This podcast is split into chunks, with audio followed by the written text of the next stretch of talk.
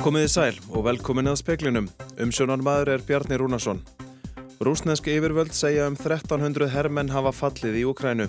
Evrópusambandið og bandaríkin hafa náð samkommulagi sem miðar að því að draga verulega úr kaupum Evrópuríkja á rúsnesku jarðgasi. Eftir innrás og rúsa í Ukrænu hefur orðið fimm földun í kortlagningu á íslenska netkerfinu, segir sviðstjóri Sertís. Netþrjótar geti þannig aflað sér upplýsinga sem hægt sé að nýta til net árása eða innbrota. Rannsóknamáli læknis hjá Hilbriðstofnun Suðunisja hefur undið upp á sig. Lauruglustjórun á Suðunisjum segir málið eiga sér engin fordæmi í íslenskri réttarsögu. Þriðja hvert ungmenni hér á landi notar nekotínpúða. Þingmenn stjórnar og stjórnar andstöðu gaggrina frumvarp Hilbriðsraðra um bann við slíkum púðum. Landspítalinn hefur mist tölvert mikið af starfsfólki í langværendi veikindarleifi vegna álags í vinnunni undan farin tvö ár. Rúsneska varnarmálaráðuneytið segir um 1350 rúsneska hermenn hafa farist frá upphafi svo kataða sértækrar hernaðar aðgerðar í Ukrænu. Joe Biden bandarækjafósiti segir rúsa kúa nákvæmnaríkin með orku öðlindum sínum. Þetta er í fyrsta sinn frá því upphafi mánadar sem rússar byrta tölur um mannfall. Þá saði ráðuneytið að um 500 hermenn hefðu fallið. Saminuðu þjóðurnar segja um 1100 almenna borgara hafa farist í átökunum og um 1700 særst. Unnið er að því að staðfesta fregnir af mannfalli og talið er að réttur fjöldi sé mun meiri. Bandarækjumenn telja um 7000 hafa farist á meðan Úkrænustjórn hefur sett fram tvöfalt herri tölu. Borgar yfirvöldi í Mariupol segja líklegt að alltaf 3000 almennir borgarar hafi fallið í borginni frá upphafi innrásarinnar. Rúsneski herin hefur setið um borginna og varpað á hana sprengjum síðustu vikunnar. Mann slík eru sögð liggja á víð og dreif.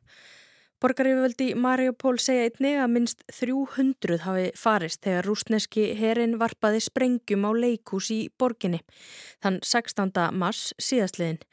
Evrópusambandið og bandaríkinn náðu í dag samkómulagi sem miðra því að draga verulega úr kaupum Evrópuríkja á rúsnesku jarðgasi. Bandaríkjafósetti segir fósetta Rúslands nýta rúsnesku orkuauðlendina til að kúa nágrannanríkin. Ólaf Ragnarstóttir saði frá. 107 manns með tengslu í Ukrænu hafa sótt um alþjóðlega vernd á Íslandi á síðustu sjö dögum eða um 15 að meðaltali á dag. Þetta kemur fram í stöðu skýslu landamærasviðs ríkislauglustjóra vegna stríðsátaka í Ukrænu sem barst fréttastofu í dag. Frá því að rúsar riðust inn, inn í landið 24. februar hafa 397 manns með ukrænst ríkisfang sótt um vend á Íslandi, 214 konur, 115 börn og 68 karlar. Búist er við því að tæpla 400 manns sækjum vend á Íslandi á næstu fjórum vikum. Íslenska netöryggisveitin sá fimmföldun í kortlagningu á íslenska netkerfinu í kjölfár einrása rúsa fyrir rúmum mánuði síðan.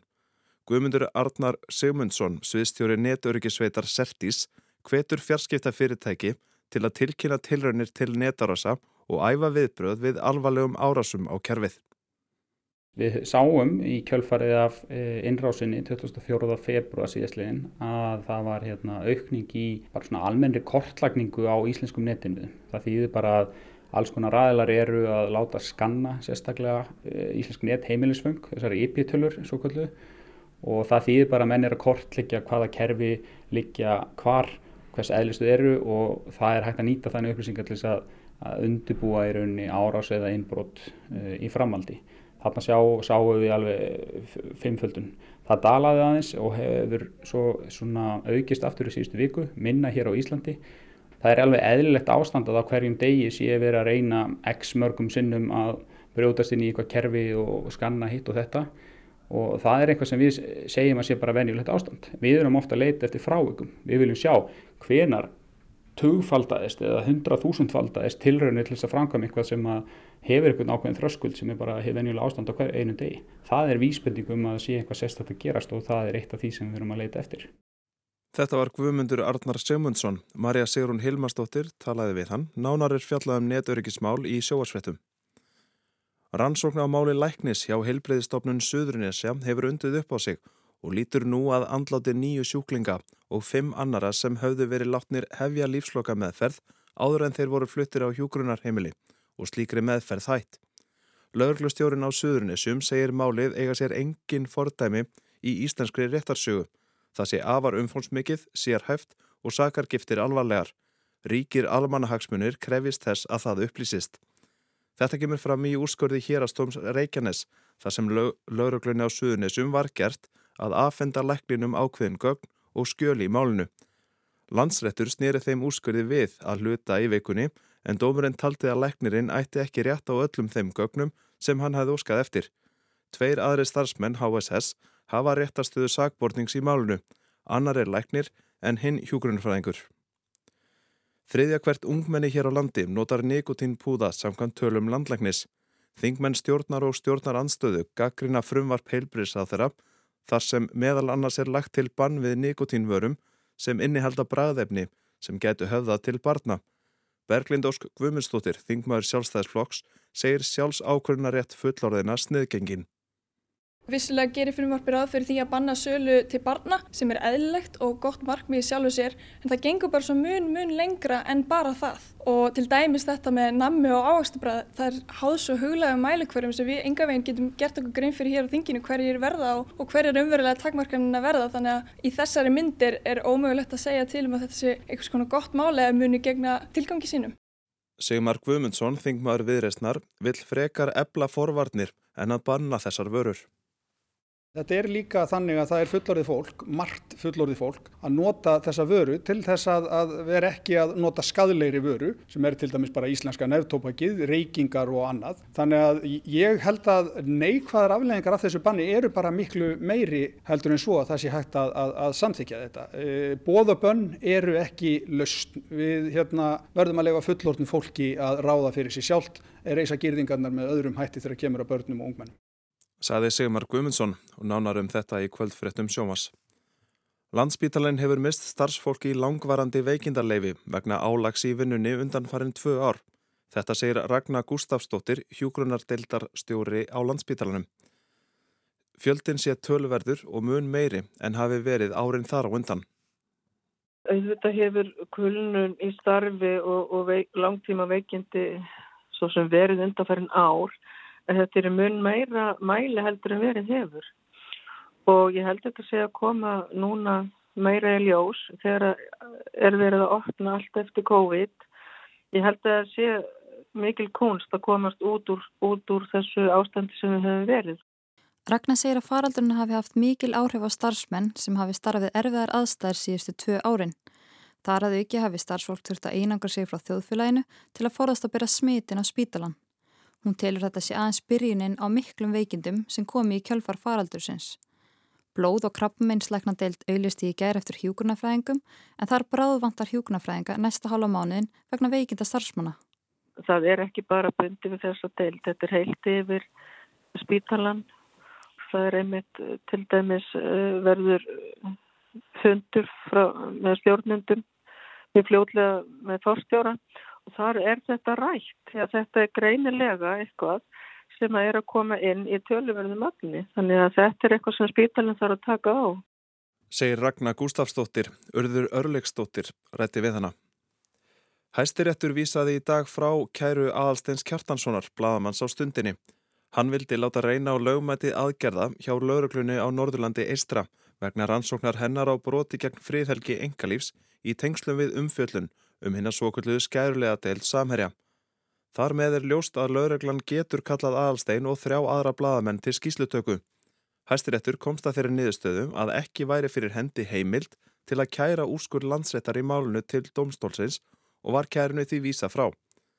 Tveir af þessum fjórum bladamennum þeir Þóruðsnari Júliusson og Arnar Þór Ingólfsson voru í morgun tilnefndir til bladamannavelurana fyrir rannsóknar bladamennsku ársins vegna umfjöllunar sinnar um óeðlega hagsmunagjastlu svo kallarar skærlega deildar samherja. Aðalsteinn er sjálfur tilhendur til bladamannaverðuna Íslands meðal annars fyrir umfjöllun sína um skærlega deildina.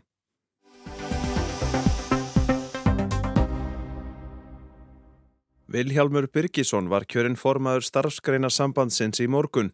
Hann hlaut 70 atkvæði af 130 sem greitt voru í formannskjörinu. Það eru tæp 54%.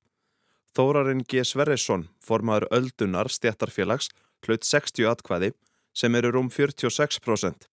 Vilhjálmur tekur við formensku af Byrni Snæbjörnsinni sem tilkynnti í upphafi þessa kjörtímabils að það yrði hans síðasta. Þingsambandsins fór fram á Akureyri og stóði yfir í þrjá daga. Á þinginu voru lagðar línur fyrir komandi kjaraviðræður og drög lögð að næstu árum í starfseminni. Starfsgreinarsambandið er fjölmennasta landsambands launafólks á Íslandi og stærsta landsambandið innan ASI með um 72.000 félagsmenn. Að því standa 19 aðaldafélög sem eru stjættarfélög og verkalýsfélög um landa allt. Stærst þessara aðaldafélaga er ebling. Solveigana Jónsdóttir sem nýlega var kjörinn formaður þess félags á ný hefur verið gaggrinnin á alþýðusambandið og fórustu þess. Ágúst Ólafsson, fréttamaður á Akureyri, rætti við Vilhjálm skömmu eftir kjörið í dag. Tilfinningin er bara virkilega góð og þótt að vissilega sé svona smá hnutur í maðanum því að þetta verkefni sem að framöndan er að gegna þessu veigamikla embætti sem er að vera formaður í Starfskanarsambands Íslands er krefjandi og verkefni sem að framöndan eru, eru ærin þannig að það eru svona blenda tilfinningar en ég er mjög ánaður með það tröst sem að þingpöldur og að síndu mér því að e, það likur fyrir að starfsgrunarsamband Íslands gegnir veiga miklu hlutverki á íslensku vinnumarkaði. Þetta er staðista landsambandið innan Alþjóðsamband Íslands með 72.000 félagsmenn á bakvið sig þannig að verkefnið er erfitt og, og krefjandi en, en virkilega spennandi. Þú sigrar með 70 atkvæðum gegn 60, þetta eru 54% atkvæða tæplega. Þetta er naumur sigur, eru tvær fylkingar þarna í starfsgrunarsambandinu og, og já, þá klopningur eða hvað? Ég held að líka alveg fyrir og ég vissi það svo sem fyrir þingið að, að, og hefur ekkert svo sem farið fram hjá einum en einu sem fylgst af með fjölmunum og fylgst með íslensku verkefnsreifingu undanverðinu að það er klopningur í, í reifingunni þannig að það kemur ekkert á óvart uh, þessi nýðustæða eða er einhvað sem kemur mér á óvart að þá er raun og veru tel ég að Sigurinn hafi verið kannski öll stærri heldur ég reiknaði með því að Þetta er fulltrúalýðræði þannig að maður getur svona nokkurn veginn talið það út, út frá félögum sem að endur speklar kannski spurninguna þennan hvort það sé klopningur. Já, það er klopningur en ég tel það mjög mikilvægt að vinna því að þetta ræðinar og ég ætla að leggja mig líma við það að vera formar allra aðildafélaga starfsgrunarsambansins, ekki bara sumra og auðvitað mun taka tíma að mynda þessa samstöðu sem að til þarf en hún er mikilvæg. Það er mikilvægt að við komum okkur saman um það hvaða leiðir við viljum fara í komandi kjærasamningum og svo vinna er nú þegar hafinn inn í aldar félagunum og þegar að félagin verða búin að vinna sína klöfugerðu þá munum við koma saman formen starfskanarsambansins og móta eina sameinlega klöfugerð sem við munum fara með fram í haust. Líkt og fórustumenn fleiri stjættafélaga eins og til dæmis framsýnar, verkefnisverðar Grindavíkur, eblingar og fleiri þá hefur þú gaggrínt fórustu Alþjóðsambands Íslands og, og, og um, Björn Snæbjörnsson hins vegar, þinn forveri, hann stendur með fórustunni. Hvað segir þá nýr formaður starfsgrunarsambandsins um fórustu á þessi? Hvaða breytingar viltu sjá og já, er þetta kannski kjör til höfuðs bara formannu Alþjóðsambands Íslands og fórustu? Nei, ég held að þetta kjör hér inn í starfsgrunarsambandinu er ekkert uh, og endur speklar ekkert það sem að hugsanlega mun gerast inn í alþjóðsambandinu. En það er alveg rétt hjá þér að við höfum verið ósátt með fórustu alþjóðsambandsins.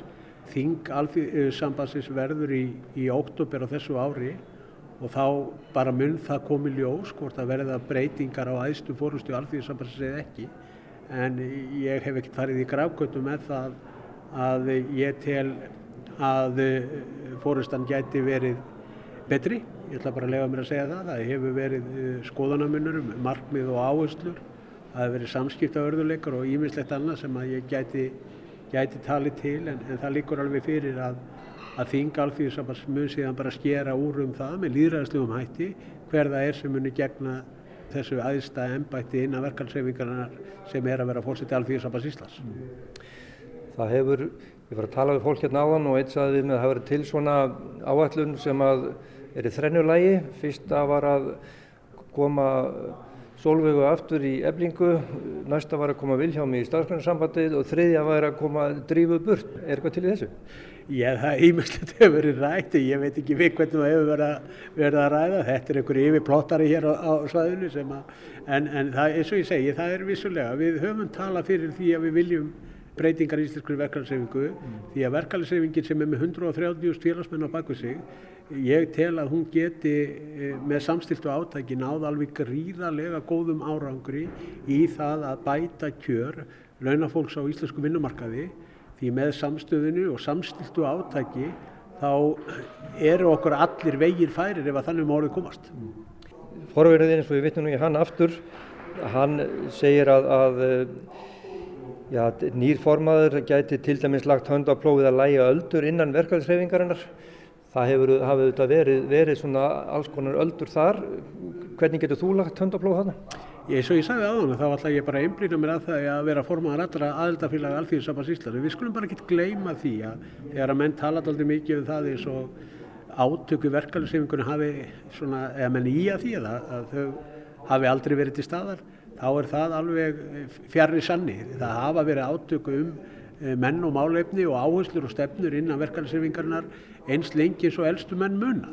Það hefur verið hart tekist á og það er bara eðlilegt og það er líðræðislegt í mínum huga að menn takist á um það hvaða leiðir menn vilja fara og það er það sem hefur verið að gera í íslensku verkefnisreifingu núna Þannig að ég held að menn ættu bara að skoða söguna aftur í tíman, þá leikur algjörlega fyrir að menn hafa oft á tíðum tekist mun kvassara eh, til orða heldur en nú er gert. Mm. Menn eru bara alltaf fljótir að glemma.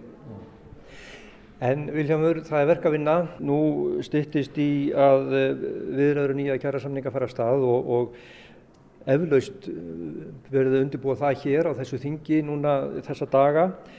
Svona að hverju miðar þessu undirbúningur ykkar? Hvernig er ykkar hernaðar áallun? Er hún tilbúin? Hvernig farið þið á stað? Ég held að sé alveg ljóst að það þarf að mynda hér þrýliða, jafnvel fjórliða sko sangumulega aðela vinnumarkaðarins og við stjórnvöld og við Sælabankan og við Vestlun og Þjónustu.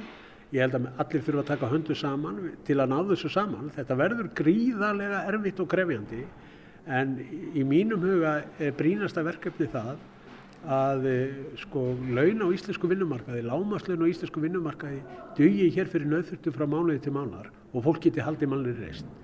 Ég hef sagt það oft að það er íslensku samfélagi, samtökum aðlýs og okkur í verkefnisreifingunni til skammar að við séum í raun og vera að bjóða upp á lámastjör þar sem það er vita mál að fólk er í hallarekstri um hver einustu mánámót. Því að í mínum huga er það líka líðhilsumál að, að laun dugi þannig að fólk geti haldið mannlega reist. Því að fyrir fólk að standa frammi fyrir þeim áskorunum að eiga ekki fyrir mat í lok hvers mánadar eh, er bara gravalvægt og ég ítrekka það að það er bara líðhelsumál vegna þess að það hefur áhrif á fjölskyttulífið og við tala nú ekki um ef að börn þurfa að búa við slíkar aðstæður þá uh, mun það hafa áhrif á andlega líðan ekki bara fóreldrarna heldur líka, líka barnana og ég held að bara Íslands samfélagi taka höndu saman og, og, og vinna bög á þessu.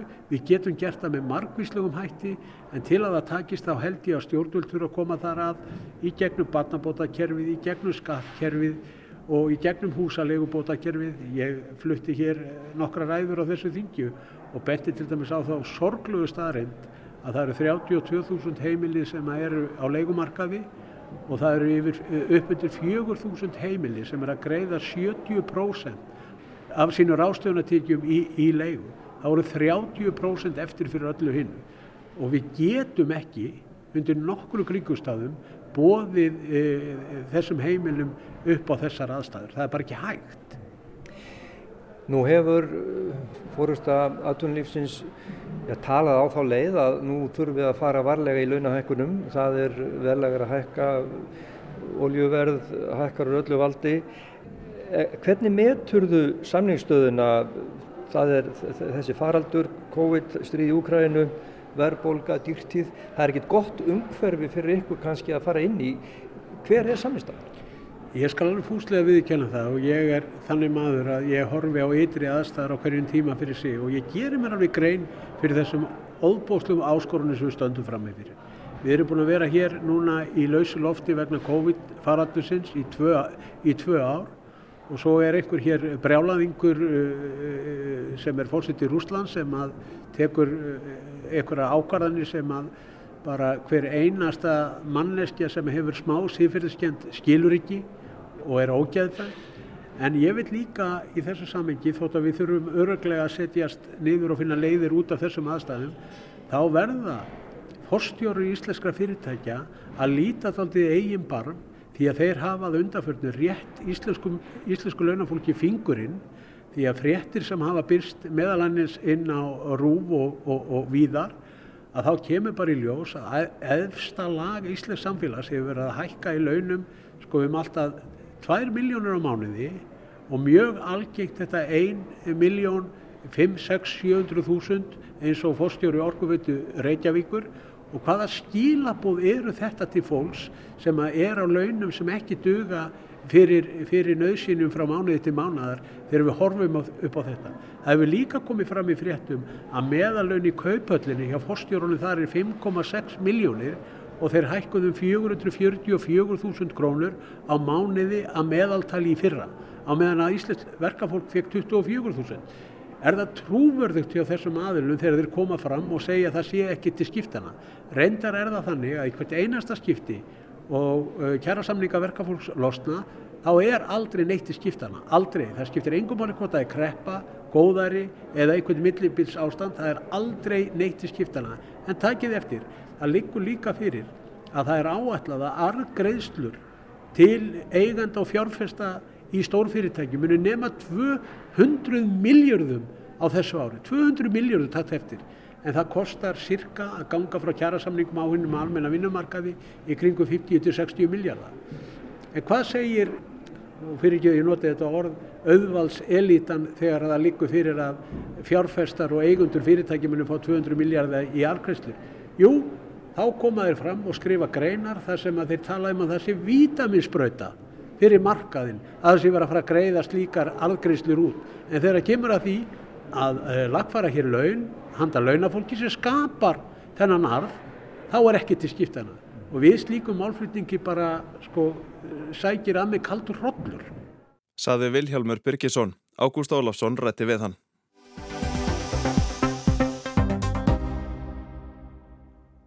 Kaup rúsneskra auðmanna á fastegnum sem gætu verið hernaðlega mikilvægar hafa aftur komist í sviðsljósið í Finnlandi og Svíþjóð eftir einrás rúsa.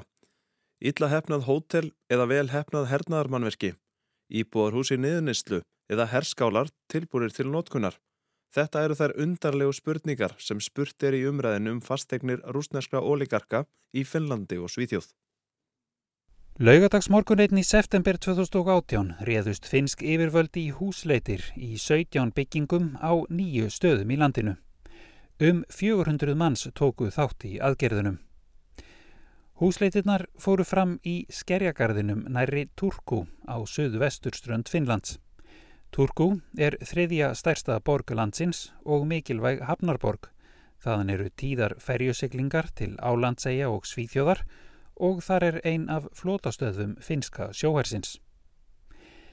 Fastegnirnar voru í eigu rústnesks viðskiptajöfurs Pavels Melnikovs og fyrirtækis hans. Hann hafi keift strandlóðir og nokkrar eigjar í skerjagarðinum. Sjálfur saðist hann einfallega vera hrifin af skerjagarðinum um hverfis Turku. Nágranna Melnikovs hafði þó lengi grunað að eitthvað væri bóið við þetta allt saman jafnvel að nota eitt fasteignirnar sem einhvers konar herskála. Þarna var búið að byggja húsnæði fyrir fjölda fólks en aldrei komin innir gestir. Talum ferðaþjónustu eða hótelrekstur virtist ekki eiga sér neina stóði í raunveruleikunum. Það var aldrei neitt þarna. Og svo eru það allar eftirlitsmyndavélarnar og öll fjarskiptamöstrin, þyrlu pallarnir sem byggður hafðu verið og bryggjurnar og fleira sem þótti undarlegt. Hvernig stóð til dæmis á því að fyrirtækið hafði keift fjölda gamalla báta af finska hernum sem svo voru bara látnir liggja við bryggju óhreyfðir og ekki búið að mála þá í nýjum litum eins og yfirvöld hafðu ferið fram á. Þannig að bátarnir voru í raun óaðgreinanlegir frá farkostum finska sjóhersins. Fastegnirnar voru líka nærri skipaleiðum og oft nálagt svæðum sem herin hefur flokkað sem hernaðarlega mikilvæg, til dæmis nærri hernaðarmannvirkjum. Við sumar eigarnar er líka afar aðdjúft, jáfnvel 20 metra dýpi rétt undan landi. Það er nógu djúft fyrir kafbót. Aug lauruglu og skattaeyfrivalda tóku finskir landamæraverðir og hermenn þátt í húsleitunum á bátum, í flugvilum og þyrlum með skotvopn á lofti. Bæði dómsmálar á þeirra Finnlands og forseti landsins voru upplýstir um aðgerðirnar fyrirfram. En þrátt fyrir þetta mikla umfang og aðkomu hersins hefur finska lauruglan neita því staðfastlega að málið snúist um nokkuð annað en meint skattalaga brot og peningaþvætti. Það fundust reyndar peningar, seglar sem tróðið hafi verið í plastpoka. Alls var lagt hald á þrjár og halva miljón evra, næstum halvan miljard íslenskara króna, í reyðufjö. Sérfræðingar í örgismálum eru engað síður sannfæriður um að málið snúist um annað og meira en skattalagabrót og peningaþvætti, þótt yfirvöld velji reyndar að fara varlega í stórar yfirlýsingar. Eftir húsleitirnar var mikil umræða um það í Finnlandi og í Svíþjóð hvort koma þyrti í vekk fyrir að erlendir aðilar gætu átt fasteignir á hernaðarlega mikilvægum stöðum. Bent var á það hér í Svíþjóð að erlendir aðilar hefðu ítrekkað reynd að kaupa eignir nærri höfnum, ólíuvinnslustöðum og á öðrum hernaðarlega mikilvægum stöðum. Ný lög sem heimiluðu sænska ríkinu að ganga inn í slík kaup voru samþygt í lok árs 2019. Í Finnlandi hefur lögum líka verið breytt.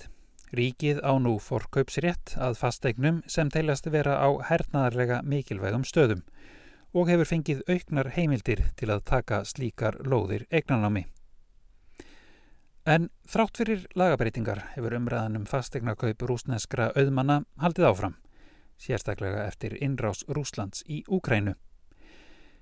Til dæmis hefur verið þjallað um fasteignir Borisar Rotenbergs sem í umfjöllun finska ríkisjónvarpsins er líst sem rúsneskum ólíkarka. Hann á meðal annars fasteignir í Lappvík við suð-vesturströnd Finnlands. Á stóri lóðinni er reysulegt nýjuppgert og afgirt einbílishús og svo fjöldi minni íbúðarhúsa. Þau stóð til að gera upp og selja en það hefur ekkert gerst og nú geta íbúarnir ekki einu sinni greitt leiguna. Bankareikningum sem greitt var inn á hefur verið lokað vegna viðskiptaþingana gegn Rúslandi í kjölfar innrásarinnar. Undarleg fjárfesting virðist vera, en það er eitt áhugavert við svæðið. Lóðin er steinsnar frá æfingasvæði finska hersins og bæjar yfirvöld eru sannfærið um að íbúðarhúsin séu hugsuð fyrir það sem almennt hefur síðustu ár verið kallað litlir grænir menn. Það er að segja vopnaðir rúsneskir hermenn í grænum fötum sem ekki eru mert rúsneska hernum sem byrtast kynntilega á hernaðarlega mikilvægum stöðum og hertaka þá líkt og gerðist á Krímskaga 2014. Rúsneskir auðmenn og rúsneska ríkið eiga mun fleiri fastegnir á hernaðarlega mikilvægum stöðum í Finnlandi. Til dæmis lóð nærri óljurheinsistöð, yðnaðarsvæði við hliðin á alþjóðarflugvellinum í Helsingi, 17 hektara skamt frá flótastöð finska hersins og svo er fjöldi fastegna nærri höfnum eða öðrum hernaðarlega mikilvægum stöðum. Fyrirtæki Pavels Melnikovs sem átti eigarnar og þyrlupallana í skerjagarðinum næri Turku er nú í gjaldþróta meðferð. Bankareikningum fyrirtækisins var lokað og fasteignirnar settar í sölu. Sakamálið er þó enn í rannsókn, þremur og hálfu ári eftir húsleitinnar. Dómstóli í Finnlandi hefur enn á lí framlengt frest til að leggja fram ágæru, nú fram á mitt sumar. Þetta er Kári Kilvason sem talar frá Gautaborg. Og á lokum skulum við líta til veðurs. Snýst í stífa sunnanátt í kvöld, viða úrkoma og hlínandi veður. Suðvestan og sunnan 10 til 18 metrar á sekundu á morgun, kvassast í vindstrengjum norðan til af landinu. Viða regning og súld en úrkomi lítið norðaustan og austanlands. Hiti 6 til 12 stygg. Fleira er ekki í speklinum þessa vikuna. Tæknimaður var Mark Eldredd, frétta útsendingu stjórnaði Ingeborg Sara Guðmundsdóttir. Verið sæl og góða helgi.